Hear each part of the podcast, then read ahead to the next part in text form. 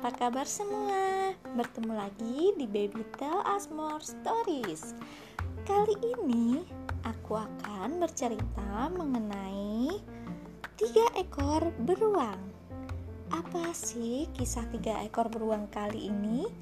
Langsung aja ya teman-teman simak ceritanya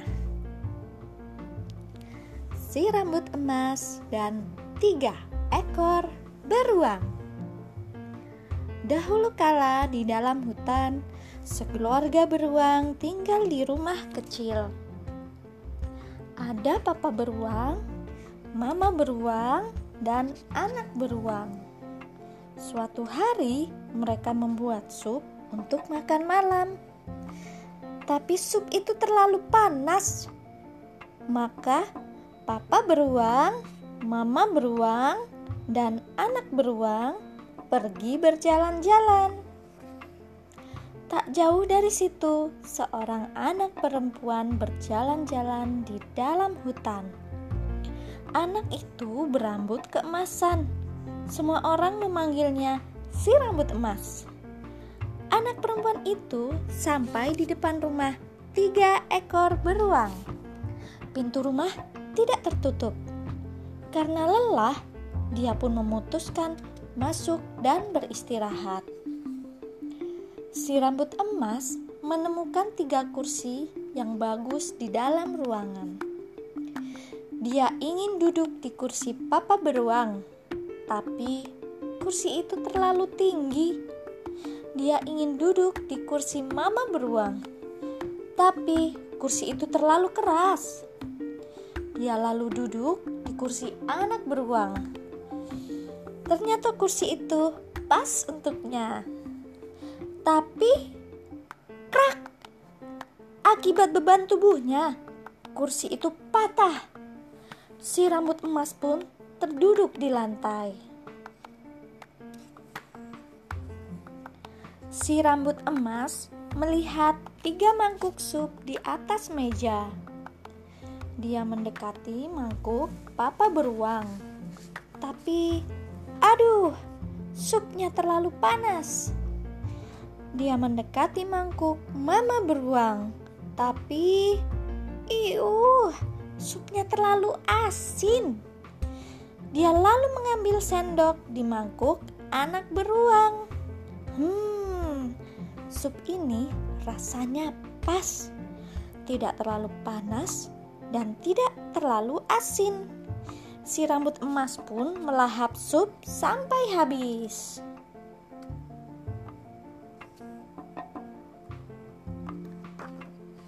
Si rambut emas menaiki tangga dan menemukan tiga ranjang. Dia ingin tidur di ranjang papa beruang, tapi kasurnya terlalu keras. Dia ingin tidur di ranjang mama beruang, tapi kasurnya terlalu empuk. Dia lalu tidur di ranjang anak beruang. Wah, ranjangnya pas. Si rambut emas pun tidur di ranjang kecil itu. Sepulang berjalan-jalan, ketiga beruang melihat ada orang yang datang ke rumah mereka. Papa beruang menggerutu. Ada yang duduk di kursiku. Mama beruang berteriak, "Ada yang duduk di kursiku!"